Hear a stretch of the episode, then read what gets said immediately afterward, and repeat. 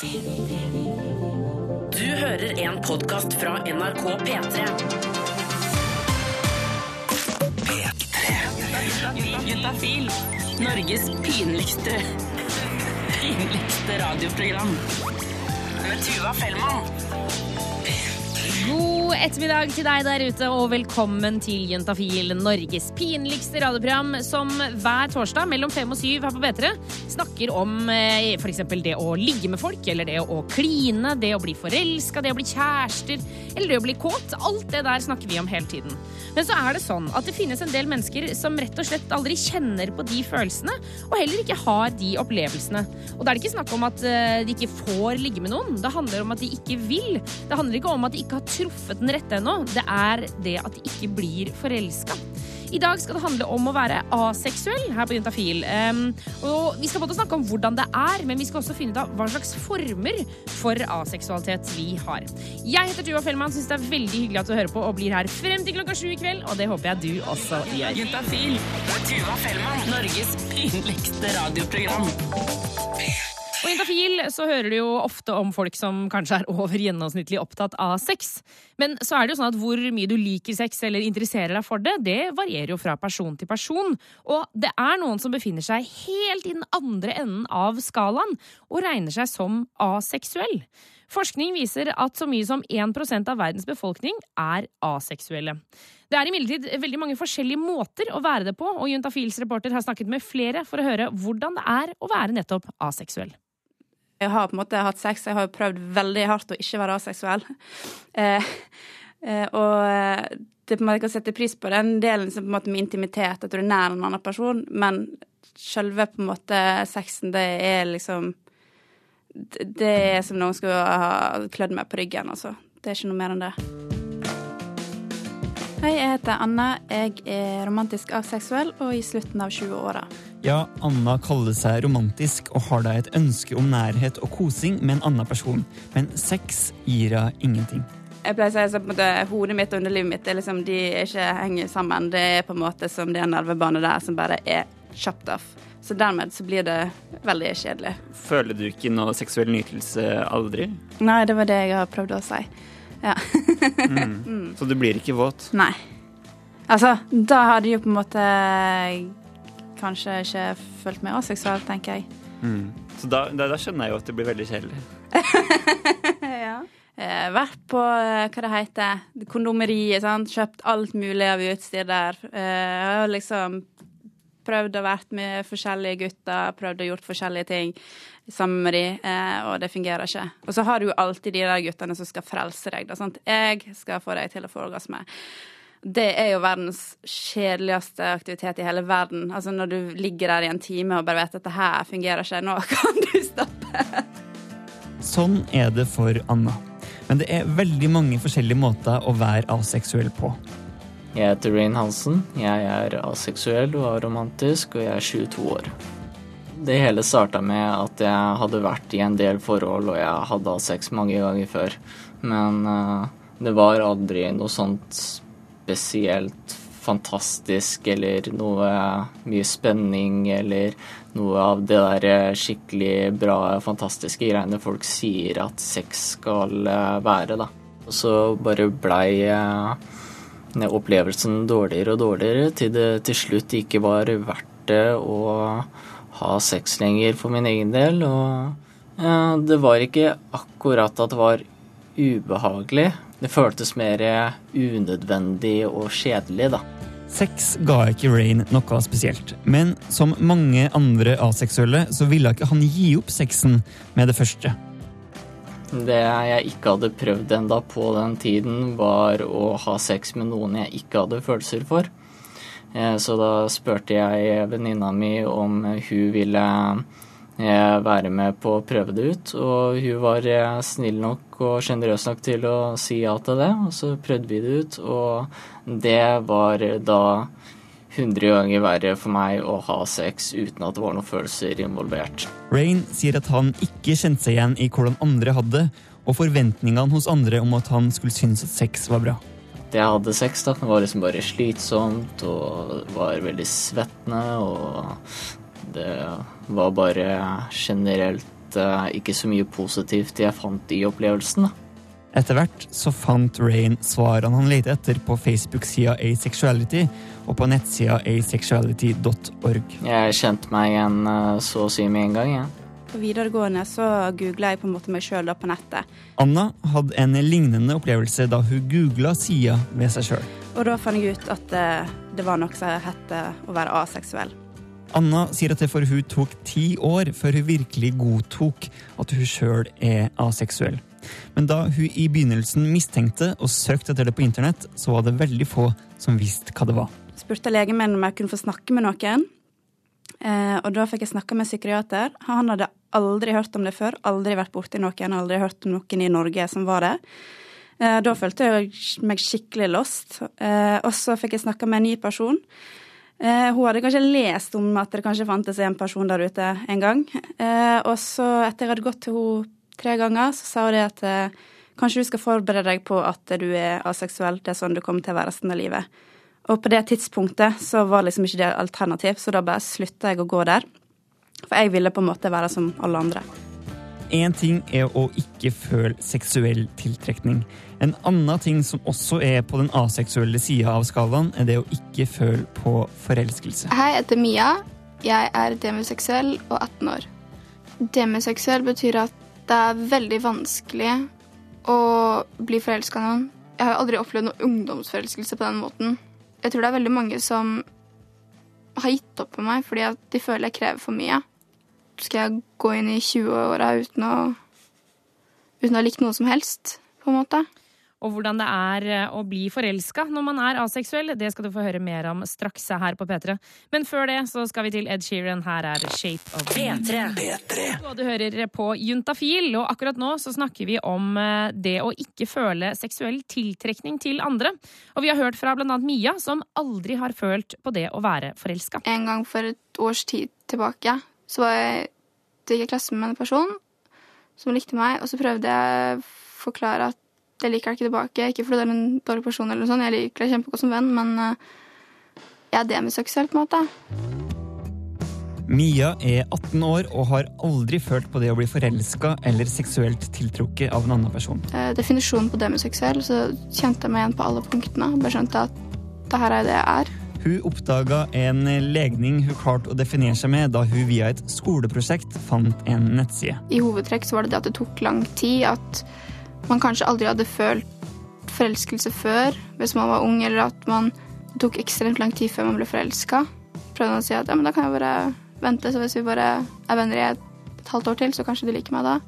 Måtte forklare at nei, jeg tror ikke det. Forklarte det veldig lenge, husker jeg. Så fikk jeg venninna mi til å bare si at hun liker deg ikke til slutt. For du har vært forelska flere ganger, eller? Mm. Hvordan, hvordan var det? Det var uh, veldig greit egentlig i starten, for uh... Rain er aseksuell og aromantisk. Det vil si at han ikke føler seksuell tiltrekning til noen, og at han ikke føler behov for et romantisk forhold med kos og lignende. det er ikke noe jeg trenger, men det er ikke noe jeg har noe imot heller. Du har ikke noe mot kosing, Nei. men likevel har han følt på forelskelse. Ja, altså Det var vel når jeg først starta å få følelser for eh, personen eh, jeg likte etter at jeg fant ut at jeg var aseksuell. da. Hun var en person som eh, da var glad i sex og var veldig glad i kos og kyssing og kødling og alt det der. Og jeg har ikke no noe imot eh, rundt halvparten av alle tinga hun liker, men når det kommer til eh, sex og sånn, så er jeg ikke fullt så komfortabel. Jeg bare sa det rett ut at jeg er aseksuell og jeg er ikke fullt så glad i sex. Og hun tok det ganske fint der og da og sa det som at hun ville takle det helt fint, men eh, i ettertid så fant hun ut at eh, sex var ikke noe hun kunne leve uten, og så blei det problemer ut av det senere i forholdet. Jeg har det ikke bra i et forhold eh, hvis jeg ikke kan være 100% ærlig. For det gneger så ekstremt på samvittigheten din. Du føler at du ikke er en, altså, en bra nok kjæreste. For Anna tok det ti år før hun ville godta at hun er aseksuell. Hun kaller seg romantisk aseksuell og kan føle lyst til å ha nærhet til en annen person og kos. når de er veldig forelska, så er det sånn Nei, det går helt fint, og sex er ikke så viktig, og alt det der. Eh, og så går det en stund, da, og så kommer det sånn needs som menn ofte har, og da blir det gjerne litt eh, verre. Men jeg blir på en måte ekstremt måte, glad i noen. Jeg får veldig behov for liksom, Du har lyst til å være med dem, du har lyst til å tilbringe all tid sammen med dem, du har lyst til å liksom, være nær dem, klemme dem Altså, jeg vet ikke, jeg. Um, for meg så blir det å være forelska, da. I tillegg så har jeg tenkt på det her med familien min, da. Jeg har ikke fortalt det til de ennå. Det er litt sånn fordi vi er ikke en sånn familie som snakker om alt mulig. Um, men det hadde jo vært lettere om de hadde visst det i forhold til dette her med at det er litt vanskeligere for meg kanskje å finne en partner. Uh, det er kanskje litt vanskeligere for meg å stifte en familie fordi at det er vanskelig å finne andre seksuelle som det kanskje ville vært lettest for meg å være sammen med. Altså, det eneste jeg er litt redd for at skal komme fram, er jo at folk tror jeg er en sånn litt prippen som bare ikke vil ha sex eller bli forelska eller sånne ting. Jeg tror kanskje det er noen som tenker det. At jeg ser, ser litt kald ut siden jeg eh, ikke noen gang Det aldri virker som jeg blir forelska. Når jeg snakker med venner, så har jeg fått veldig mange gode reaksjoner. Men samtidig så er det noen som er sånn ja, men dette her, Du trenger jo ikke fortelle det til folk, og det er liksom personlig, ingenting business. Men du ville aldri ha sagt det til noen som var liksom transseksuell eller homofil eller sånn. Og det er det samme for oss. For det, vi, altså, det er like vanskelig for oss på en måte å komme ut og uh, Så det blir veldig destruktivt, da. Da har vi lyst til å si takk til alle som stilte i denne reportasjen. Reporter var Remi Horgar, og du hører på Juntafil på NRK P3. P3. Og du hører på Juntafil her på P3. Jeg har fått besøk i studio. Det er Nils Petter fra Sex og Samfunn. Velkommen inn i studio, Nils Petter. Hei, hei. Du er jo her innom fast, men i det siste så har du vært borte en liten stund, for du har vært på ferie. Avslørt. Avslørt, solbrun og deilig. Ja da. Vises dessverre ikke på radio nå. Nei, det gjør ikke det, altså. Men jeg kan konstatere det, ja. men du har ikke glemt legefaget ditt på ferie? Nei da. Nei, Jeg har nei, til og med fått bruk for det på ferie. Er det sant? Hvordan da? Nei, det skal vi ikke oh, røpe. Det har ikke vært sånn på flyet hvor det er noen som roper sånn Er det en lege her? Og du bare Jeg er lege! Og kasta deg frem. Ikke denne gangen, men da er det faktisk to ganger før. Nei! Da. Å, herregud. Så tanken slår meg hver gang jeg flyr. At her, her Ja. kan det hende at jeg er den eneste legen, liksom? Ja. Men nå, nå ble jeg så interessert i dette her. Herregud. Hva var det som hadde skjedd? Eh, det var en som fikk eh, sannsynligvis et panikkanfall, men eh, det var jo redd for at det skulle være hjerteinfarkt. Ja, okay. Ja, Så det var egentlig bare å gjøre det man eh, skulle gjøre, ut ifra de få ressursene man har da når man er på et fly. Ja, det er jo ikke kjempemye, liksom. Nei da. Herregud. Du, så utrolig Men det gikk spennende. fint. Det gikk fint. Ja da. Eh, Men eh, når du ikke er på ferie og ikke redder folk opp i lufta, så jobber du også på Sex og Samfunn, som er en Da prøver vi å redde litt over lufta her, da. For hver torsdag så er jo dere innom Sex og Samfunn. Du kan stille dine spørsmål på sexogsamfunn.no akkurat nå. Vi skal ta for oss et spørsmål som har kommet inn, Nils Petter. Skal vi bare Mm. hive oss på? Kom igjen. Her står det Hei! Hver gang jeg sleiker kjæresten min, så må hun anstrenge seg veldig for å føle noe. Hvis ikke, så føler hun nesten ingenting. Eh, Jeg er ikke nybegynner når det kommer til oralsex, og dette er første gang jeg har vært borti noe sånt. Hvis jeg drar selve huden oppover, så kjenner hun det bedre, men da blir det fort for følsomt. Hva kan vi gjøre? Her lurer jeg på mye. Ja, ja det gjør jeg òg. Du, nei, men altså, her er det snakk om eh, å gå ned på, på kjæresten sin. Mhm. Så da går han ned på dama og sleiker underlivet, Mm. kan vi rett og slett si. Mhm. eh, og da er det jo mye man kan gjøre. Eh, det er egentlig bare å være litt kreativ. Men, men jeg tenker at eh, underlivet til kvinner består jo ikke sant av de ytre kjønnslepper, indre kjønnslepper. Um, inngangen til skjeden, og så har du ikke minst klitoris, som også er veldig viktig. Ja, de ligger liksom, Klitoris ligger jo på en måte på, på toppen mellom der hvor eh, å, Nå skal jeg prøve å forklare det. Der hvor de ytre kjønnsleppene deles, på en måte. Inni der ligger klitoris. Har jeg retta? Riktig. Inn i en sånn eh, liten hette ofte. Ja. Ja, Og så når, eh, når kvinner blir kåt, så svulmer den mer opp og blir ofte mer synlig. ja. Eh, Så den er jo et kjempefølsomt organ som eh, stimulerer til mye glede, den. Så den er det jo viktig å ikke glemme når man skal gå ned, Mm. som man sier. Men fordi, når han sier sånn Hvis jeg drar selve huden oppover, så kjenner hun det bedre. Tenker han da Er det de ytre kjønnsleppene han drar ut i siden? Ja, det det er litt det jeg tenker på, for det jeg snakka om at eh, det er ofte en liten sånn hette, da, som dekker Altså litt sånn som også til gutta, at det er forhud eh, foran eh, glans på penis. Ja. Eh, Så det kan nok være kanskje at hun har litt mer en sånn hette som dekker for, og at du kanskje da ikke kjennes veldig mye. Så når han på en måte drar den huden som han sier oppover, så eksponeres jo klitoris mer Ikke sant? til det følsomme området. Så, da, så det høres ut som at vi er, eh, vi er borti noe vesentlig her, altså. Ut ifra det eh, han spør om. Ja, fordi jeg tenker, jeg har eh, hørt at mange jenter syns det er eh, altså, og sånn som han også skriver, at det er for følsomt å bli liksom, stimulert på akkurat på klitoris. Mm. Altså liksom, Hvis man ser på eh, klitoris som den lille klumpen Nå vet vi jo at klitoris går langt inn bakover i kroppen, Mm. men, men den liksom toppen som stikker ut, da, Ja. at det er for intenst. Men da tenker jeg til denne fyren her, eventuelt eh, dama, da, men jeg, jeg tipper det er en fyr, ja.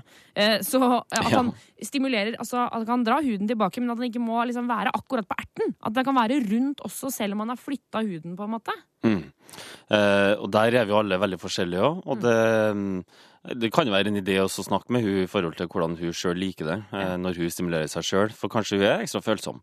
Eh, og kanskje man skal bruke eh, mer spytt eller glidemiddel eller noe annet for å så gjøre at det blir litt mindre friksjon. For blir det at det liksom man blir sånn gnikking i tann, så blir det ekstra følsomt, og da blir det mer ekkelt enn godt.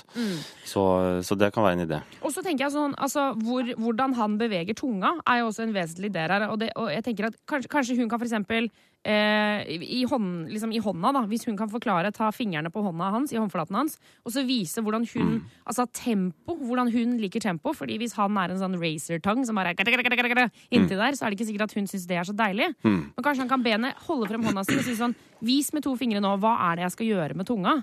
Og så viser hun det, og så kan han prøve å gjøre det på henne etterpå. Lurt. Altså det, det, det gjelder jo både for gutter og jenter. Sant? Altså alle er veldig forskjellige. Ja. Eh, det gjelder også når, eh, når, når noen suger en gutt også. Det er jo utrolig mange teknikker og måter å gjøre det på, og veldig mange preferanser for hva en gutt syns er deilig og ikke deilig. Mm. Så man må egentlig bare Det som er et sånt stort minefelt, nesten. Man må nesten bare føle seg fram, og så går man litt på veggen til enkelte, så, så man kanskje ikke skjønner hvorfor, for det der funka jo kjempebra Ja. på en annen person. Men eh, jeg syns det var bra tips som du kom med. Ja, ikke sant? Ja. Og hvis det er på gutter, så kan du holde to fingre opp, og så kan han suge på fingrene dine og vise hvordan han syns det er deilig. Så kan du gjøre det på han etterpå, da. Det går også an. Nå, herregud, Nils Petter, vi har snakka så mye nå. Nå må vi spille vi musikk. Ja. Nå kommer det flere spørsmål straks her på P3. P3. Og du hører på Juntafil her på P3. Jeg har fortsatt besøk av Nils Petter fra Sex og Samfunn, som svarer på spørsmål om sex, kropp og følelser. De tre diggeste temaene i verden. Ja da. Ja da, ja da, ja da. Still dine spørsmål inne på sexogsamfunn.no. Eh, Vi skal ta for oss et spørsmål som har kommet inn fra Jente28. Eh, Og her står det Dette, dette, dette syns jeg er interessant, Mm. Nils Petter. Jeg blir så gira at jeg blir helt Fortell. her står det Hva og hvorfor skjer dette egentlig? Spørsmålstegn. Situasjon, kolon.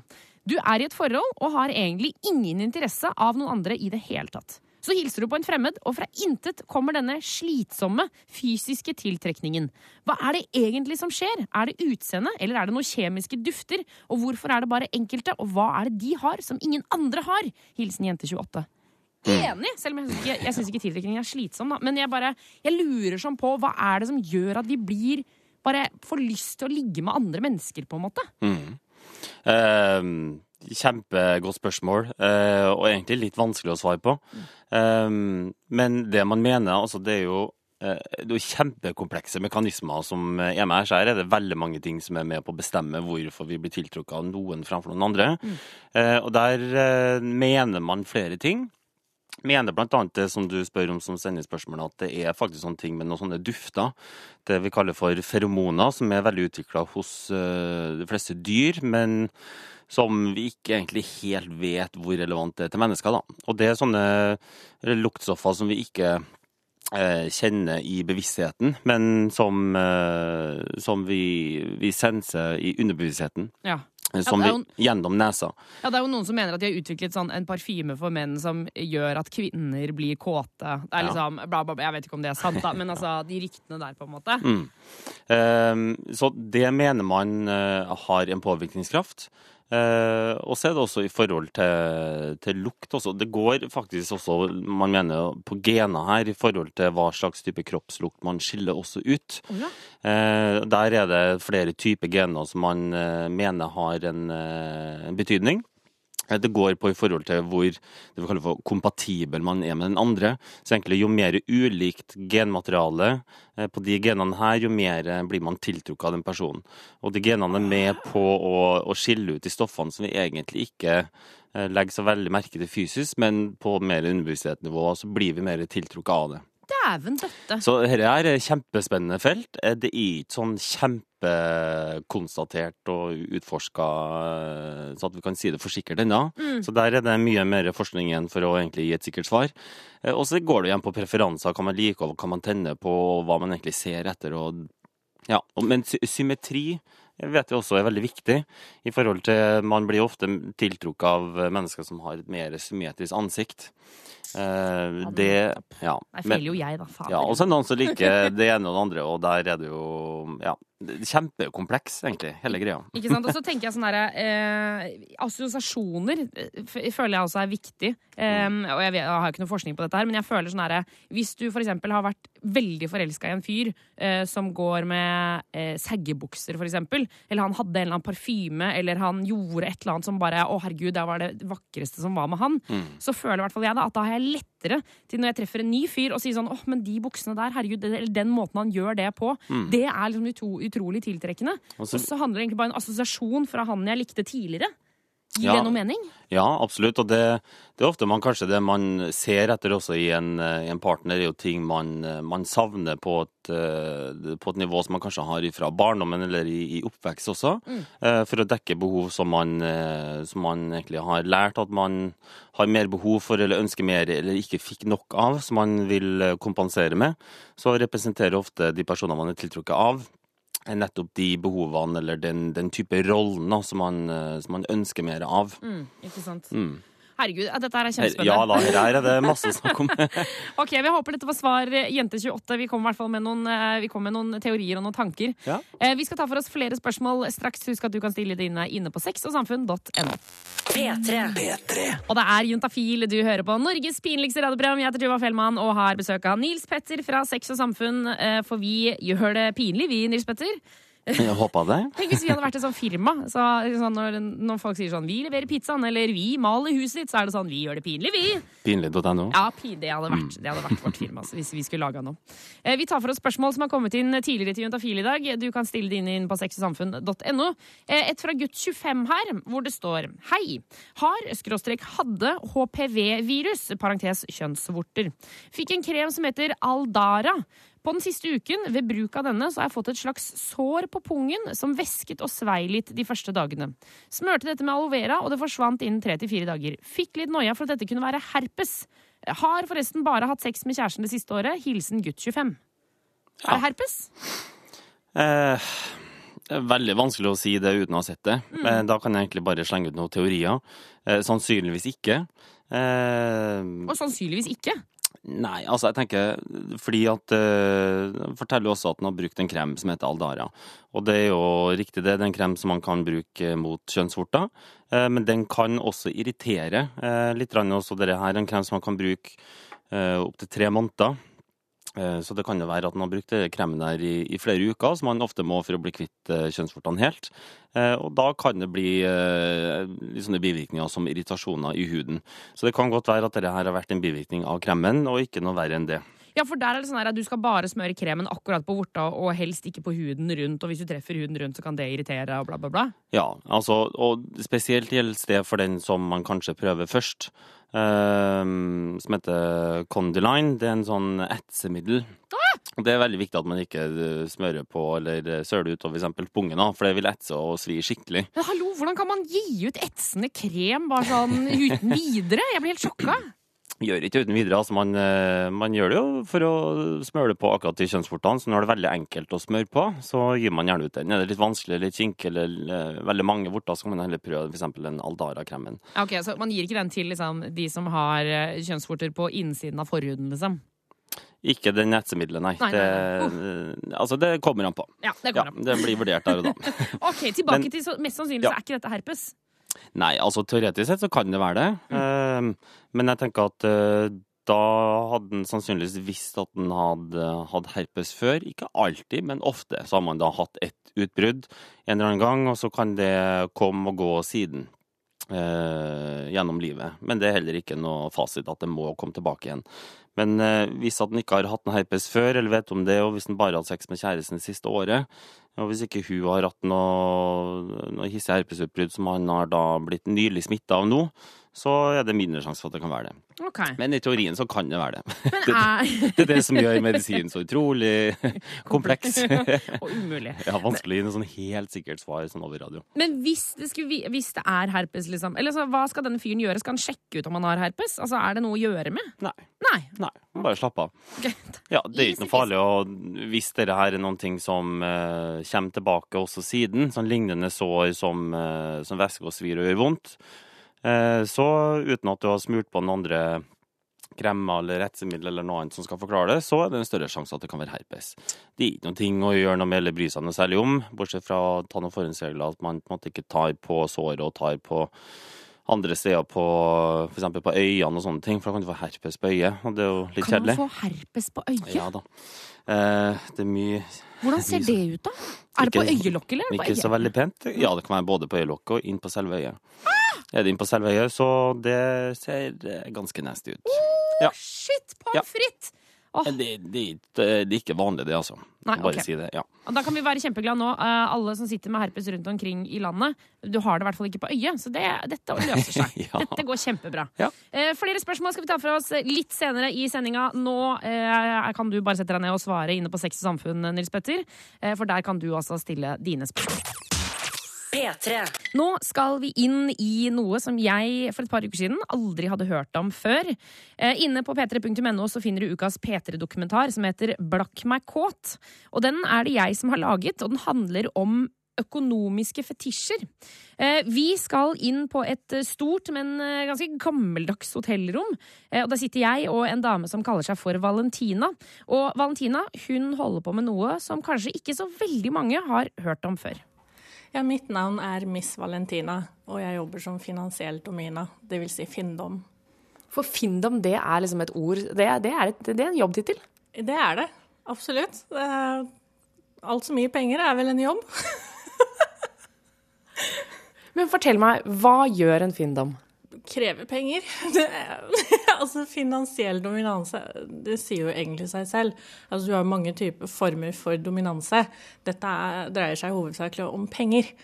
Uh, ikke penger du trenger, men penger du krever om å få, rett og slett. Altså, det, det er mange som tenner på å gi fra seg pengene. Og det er, ikke, altså det er mange ting som går rundt det. Det der med å Altså, det er ikke jeg som finner da disse eh, paypigs, som de kalles, da. Hva, hva sa du, paypigs? Paypigs, ja. Det er det man kaller de som betaler, da. Betalende griser? Ja. P3. For dette her er jo et ord som går igjen i denne dokumentaren, og litt senere så skal du få høre om eh, en som defineres som det ordet, altså paypig. Jeg syns det er utrolig vanskelig å si, for jeg føler at det er veldig nedlatende. Eh, Men det er nå det eh, de beskrives som.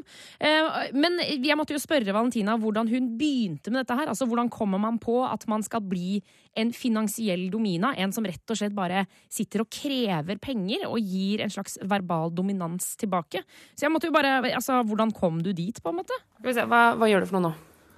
Nå logger jeg inn på Twitter. Der, ja. Jeg begynte ved en tilfeldighet. Eh, Det var ikke noe jeg sikta meg inn på, men eh, for eh, ja, mange år siden så Det var jo en, en nettside som het Nettby, som alle brukte. Og der var det en som skrev til meg at jeg pleide å ha så dominante bilder. At jeg så alltid så streng ut på bildene mine, og dette likte han så veldig godt. da. Så han lurte på om hvis han betalte meg 4000, om han kunne komme hjem til meg og bare vaske for meg. Og jeg tenkte nei, 4000 kroner for å ikke gjøre noen ting? Ja. Så han kom jo til meg og booka og ga meg konvolutten med en gang. Og så gikk han og skifta. Han ville være naken, det var det eneste. Og han var feit og hårete og svetta som en gris. Jeg bare tenkte. Men OK. Eh, altså, jeg skulle ikke ha sex med fyren, så det var ikke noe problem. Og huset trengte å vaske, så jeg, jeg er ikke så veldig glad i husvask. Så han var der i to timer og skrubba komfyren min og gulvet og øh, ja, gikk jeg og korrigerte han. Og her er det en fuckings flekk, gjør en bedre jobb. og dette var så gøy. Jeg fikk, veldig, jeg fikk blod på tanna da. Jeg tenkte herregud, kan man leve av det her? Ja, og Det er jo et spørsmål som går igjen i den dokumentaren Black kåt. Du kan høre hele inne på p3.no, eller du kan bli her litt til, for straks skal du også få treffe en av disse mennene som rett og slett tenner på å gi penger til folk han ikke kjenner. P3. Du hører på Juntafil, Norges pinligste radioprogram. Jeg heter Tuva Fellmann, og vi skal til ukas P3-dokumentar. Eller vi er midt inni, egentlig. Eh, og, og, det er en dokumentar som er i Juntafiland, og det er kanskje ikke så rart, for det er jeg som har laget den. Eh, den heter Black My kåt, og handler eh, kort fortalt om økonomiske fetisjer. Tidligere så hørte du fra Valentina, som er en som defineres som findom, altså en finansiell domina. En som har makten når det kommer til penger. Eh, og hun får penger av mennesker eh, og gjør egentlig ingenting for det. Eh, hun bare sitter og mottar penger, og så er det folk som tenner på å gi disse pengene. Da lurer jeg selvfølgelig på hvem er disse folka som gir penger. Og nå skal du få treffe Per, som er en voksen mann. Han er veldig opptatt av å være anonym, så derfor har vi leid inn en skuespiller som har gjenskapt samtalen jeg og Per hadde. For han har en fetisj som dreier seg om kvinner han ikke kjenner, og minibanker. Ja, altså her er jo um, det her er jo avtaler som jeg har gjort eh, på nettet. Så møtes vi ved en, med en, sånn, en minibank, og så kommer jeg. Og så eh, setter jeg inn kortet og slår koden. Og så, um, så ser hun hvor mye hun kan ta ut. Og så, og så gjør hun ei vurdering om hun skal ta alt, eller la meg sitte igjen med noe. Og så slår jeg beløpet, og så får jeg pengene. og så og så takker jeg, og så går hun. Det er altså dette som gjør at Per beskrives som en ATM-pigg på nett. For meg så føles det selvfølgelig vanskelig ut å bruke sånne ord om andre, eh, så jeg klarer ikke å si det til Per når han er der. Han er litt ny i denne delen av finansiell dominans. Han har bare gjort dette en håndfull ganger, men på det aller meste så tok hun ut 7000 kroner. Det er jo dyre to minutter, da. Ja. Det er kostbare minutter. Ja, ja, det er det. det, er det. men hva tenker du om det, da? Nei, altså ja, men Da kan vi snakke om sjuk, da. ikke sant? Altså, jeg, så, så, hvis jeg hadde fortalt noen om det, så, jeg, så, så hadde de jo slått meg ned. Men, men, men, men, det er jo bare å møte dem da, og vite at de kunne etter å, å ta pengene mine. ikke sant? Og det er jo det, er jo det de ønsker. Og, og muligheten, da. ikke sant? Og, og så vet de at jeg tenner på det, og det gjør jeg jo. For Hvis ikke så hadde jeg ikke gjort det. ikke sant? Og Vil du høre mer fra dokumentaren 'Blakk meg kåt', så går du inn på p3.no. Skuespilleren som spiller Per her, heter Hans Petter Nilsen, og jeg heter Tuva Fellmann. Håper at du tar deg tida til å stikke inn på p3.no og høre på dokumentaren. Og det er Juntafil du hører på, Norges pinligste radioprogram. Jeg heter Tuva Fellmann og har som vanlig besøk av Sex og samfunn. I dag så er det i form av Nils Petter, eh, som jobber som lege, og som sitter og svarer på spørsmål om sex, kropp og følelser, Nils Petter. Ja. Ja, Enkelt og greit. ja da. Vi har fått inn en SMS her, um, og du der ute kan stille dine spørsmål inne på sexysamfunn.no. I dag så tar vi for oss spørsmål som har kommet inn tidligere til Juntafil. Her står det Hei! Jeg har opplevd de siste syv til åtte månedene at jeg ikke lenger prøver meg på noen når jeg er på byen eller ute på noe sosialt. Jeg orker rett og slett ikke å bli skutt ned flere ganger av jenter. Jeg har ikke hatt sex eller kjæreste før, men jeg har en stor vennegjeng som setter kolossal pris på meg, og har en selvtillit som er så som så. Hilsen gutt 23. Mm. Uff, det hørtes jo litt dramatisk ut med å bli skutt ned flere ganger. Ja, men vet du hva, Det skjønner jeg så godt. fordi ja. på, altså, Det er et eller annet med å sjekke opp folk liksom, type på byen og på fest og sånn. Og der mm. er, det er så beinhardt, da. Mm. Folk, er jo, liksom, folk er så ufyselige til tider. Hvis det er sånn hei, sånn, gå bort og liksom hei, hvordan går det med deg? Så bare ah, ikke tro at jeg kommer til å ligge med deg, liksom. Folk, folk, er så fæle når det kommer til sånne ting. Altså, det er en uh, tøff verden, altså, når man er på sjekkeren. Så det, jeg tenker at det som, det som kan være litt greit uh, til du som sendte ut spørsmål, da gjør det opp litt um, Kanskje klarere litt forventninger til deg selv. Mm. Hva er det du forventer, eller hva er det du hvor mye vil du legge i det da når du enten er på byen eller ute på sjekkeren? Og så høres det ut som det er utrolig kult at du har en så bra vennegjeng som du er med. Jeg tenker at eh, når dere da går ut, at hovedformålet er å ha det gøy sammen eh, og kose seg med vennene dine. Og ta det som et eh, pre, hvis at det er noen som du får en forbindelse med, sjekker litt, eh, kanskje det ikke blir så veldig mye mer enn det. Eh, Kanskje det ikke ender opp med å bli et ligg, eller at man ender opp med å bli sammen med, med den dama. Men eh, du kan heller gjøre deg opp litt forventninger. OK, hvis at det skjer, eh, topp. Eh, Hvis at det ikke skjer, så er også det helt greit. Det er ingenting jeg forventer akkurat i kveld. Eh, Så at du på en måte ikke eh, bygger opp måte et sånn veldig stort slott, og så på en måte rase det sammen hvis at du blir litt avvist. At ikke hun er med på da å definere hvordan du skal føle resten av den kvelden. Ikke sant? Og da raser det jo hver fredag og lørdag, så da skjønner Ja. jeg jo på en måte at det blir litt tungt. Men Så- jeg lurer også på hvorfor skal han eh, på død og liv eh, sjekke opp folk på byen? Altså, kanskje han skal prøve å finne noen arenaer hvor det ikke nødvendigvis innebærer liksom, kjøttmarked, Mm. shots og høy musikk. Veldig godt poeng, og det er også litt sånn grunn til at jeg sier her, fordi ofte når man er, går ut ifra at det sånn som ofte er en alkohol involvert her, eh, eller andre rusmidler kan også være, så man er jo ofte litt påvirka når man også er ute. Og da møter du også folk i en annen eh, sinnsstemning enn det de egentlig er. Så det betyr også at eh, selv om man kanskje føler seg tiltrukket av noen på byen, så er det ikke sikkert at man kanskje er så tiltrukket av den personen hvis man møter den personen i edru tilstand på en tirsdag ettermiddag. Mm. Eh, at man også gjør seg opp litt tanker rundt det. Eh, og nettopp som du sier, det er kanskje ikke den beste sjekkearenaen for for å få kanskje akkurat det man ønsker, da. Eh, erfaring vil ofte vise at man kanskje føler at man har både bedre kjemi, bedre sex og bedre mulighet for å bygge relasjoner på en hverdag enn faktisk på byen. Men så hvis vi skal tenke da, hvor er det denne fyren, eh, gutt 23, hvor er det han kan treffe noen andre? Kanskje han kan begynne med en hobby? Ja. Eh, begynne liksom gå på eh, Begynne å gå på yoga, eller på taekwondo, eller eh, liksom bli med på eh, Hvis han er student, bli med på en fadderordning. Et sted hvor du treffer andre mennesker hvor man ikke liksom i i utgangspunktet skal sjekke. Mm. Ehm, og så tenker jeg også at det ehm, igjen der, og at hvis at det skal være en hobby eller noe annet, så må det være gjerne en hobby som du faktisk genuint har lyst til å drive på med. Ja, det at det er det som er hovedpoenget at du gjør det. For hvis ikke så blir det igjen det med de forventningene at man er der bare for å så på en måte få mulighet til å sjekke med andre. Eh, men det kan absolutt være en kjempefin arena det for å møte den andre. Og jeg tenker at det som jeg også tenker litt sånn i forhold til nordmenn, så syns jeg da at man er eh, for lite flink i forhold til i andre land til faktisk uh, å våge litt mer. Og da mener jeg helt trivielle ting, enten om det er på bussen, man står og venter på grønn mann over gata, eller at det er eh, på en kafé hvor man får blikkontakt med noen, at man faktisk går opp og sier hei, eller gir et kompliment. Fordi det er veldig sjelden at noen blir fornærma av et kompliment, eh, og det er ofte en veldig, veldig fin eh, og ganske sexy invitasjon til faktisk noe mer. Faller. Godt sagt, Nils Petter! Ja. Gutt 23, ta det med deg videre. Ja, så får du så bare her er det ubegrensa med muligheter hvor man kan sjekke det. Og i dag så er det Nils Petter som er på besøk fra Sex og Samfunn her i Juntafil. Jeg heter Tuva, og vi svarer på spørsmål om sex, kropp og følelser, Nils Petter. Mhm. Det er veldig mye som går under de tre kategoriene, for man kan jo på en måte kombinere eh, mellom der. Men akkurat nå Ja. skal vi på kropp, altså. Ja, det er jo ofte en kombo, da. Ja, det er ofte en kombo, men akkurat nå så er det eh, beint fram, kropp. Fint. Eh, vi har fått inn et spørsmål hvor det står Hei, har fått rødt utslett på glans nederst mot skaftet. Det ser ut som tørr hud. Hjelper det f.eks. med Dr. Greve intimvask, men det blir aldri helt borte? Tror det kan være noe som heter balanitt. Hva slags behandling kan jeg benytte?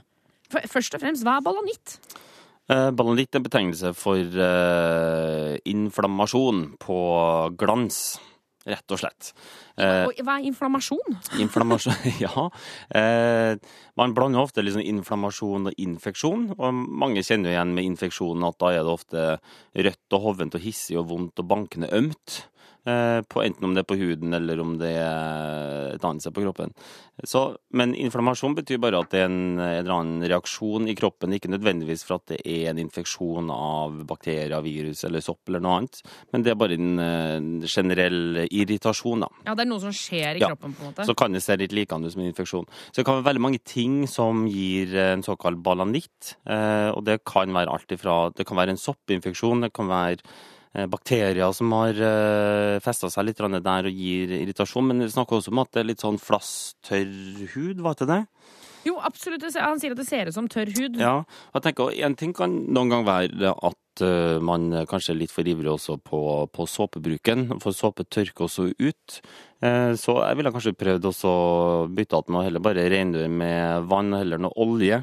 Og faktisk bruke olje på, rett og slett etterpå, for å gi det mer fuktighet og se om det faktisk, eh, den tørrheten forsvinner. Men Hva slags olje da? Det er ikke olivenolje, liksom? Vet Du du kan bruke nesten hva som helst. Du kan gjerne bruke olivenolje, du kan bruke kokosolje, hva som helst. Kødder du? Kan du Nei. bruke olivenolje på tissen? Ja, ja.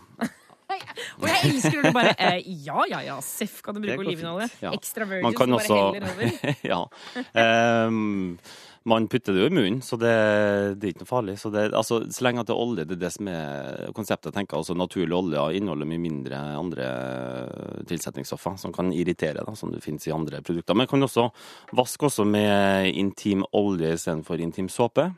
Ja. Det er også en mulighet.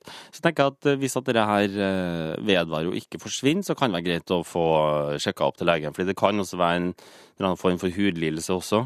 Eh, Sånn type eksem, liksom? ja da, eksem og psoriasis og mange ting som faktisk kan oppstå faktisk på underlivet og kjønnsorganer, i tillegg til andre steder på huden. All right. Ja.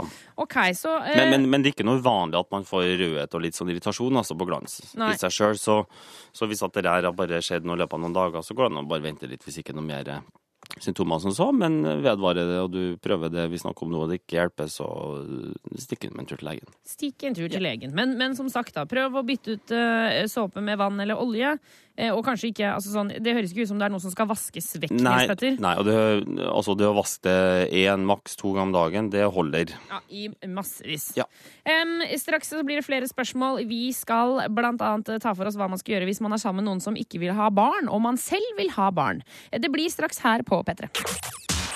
P3. Og du hører på Juntafil her på P3. Jeg har fortsatt besøk av Nils Petter fra Sex og Samfunn, som tar for seg spørsmål som har kommet inn til Juntafil tidligere, Nils Petter. Um, og man kan stille sine spørsmål inn på sexsamfunn.no akkurat nå. Ja. Kort og greit oppsummert. Em, vi skal ta for oss at dette er vanskelig, Nils Petter. Ja. Det er ofte det med følelser. Ja, det er det. For det er følelser vi skal inn på. Forelska Dere står Hei, juntafil. Jeg er forelska i en mann som har barn fra før av, og han vil ikke ha flere. Men jeg vil ha. Og det er grunnen til at han ikke kan bli sammen med meg, og det er fordi at jeg vil ha barn. Dette er den eneste grunnen som holder oss fra hverandre. Hva gjør jeg? Skråstrek vi. Hilsen jente28. Vanskelig, ja. Ja. Eh, I hvert fall at eh, vi skal gi noe sånn helt konkret beskjed. Hva du skal gjøre, det Men vi kan jo prøve å drodle litt rundt det. Um, det jeg kan si aller først, det er det at eh, ofte når noen er tydelig med hva de ønsker eller hva de vil, eh, og, og formidler det tydelig tidlig, så skal du stole på det. Ikke sant? At du skal det- stole på det han sier. Stol på det. Det er en sånn fin eh, leveregel. Eh, fordi ofte vil man tenke ja, nei, ja, men det kan kanskje endre seg, eller det er kanskje ikke helt sånn som den personen sier. Altså, hver en av oss kjenner oss sjøl utrolig godt. Det er ingen som kjenner oss bedre enn oss sjøl. Så hvis han sier det, at han ikke vil ha flere barn, så må du belage deg på at eh, han mener faktisk det. Mm. Eh, og da bør det være en ting du tar med ligninga, da. Med om du vil bli sammen med en eller ikke. Det betyr jo ikke det at det er garantert at han ikke vil endre mening. Men jeg tenker at det her er jo en eh, Det høres ut som han har tenkt grundig gjennom det her, og at han faktisk ikke vil ha flere barn. Ja. Ehm, så må du tenke litt på hvor viktig er det for deg det å få barn.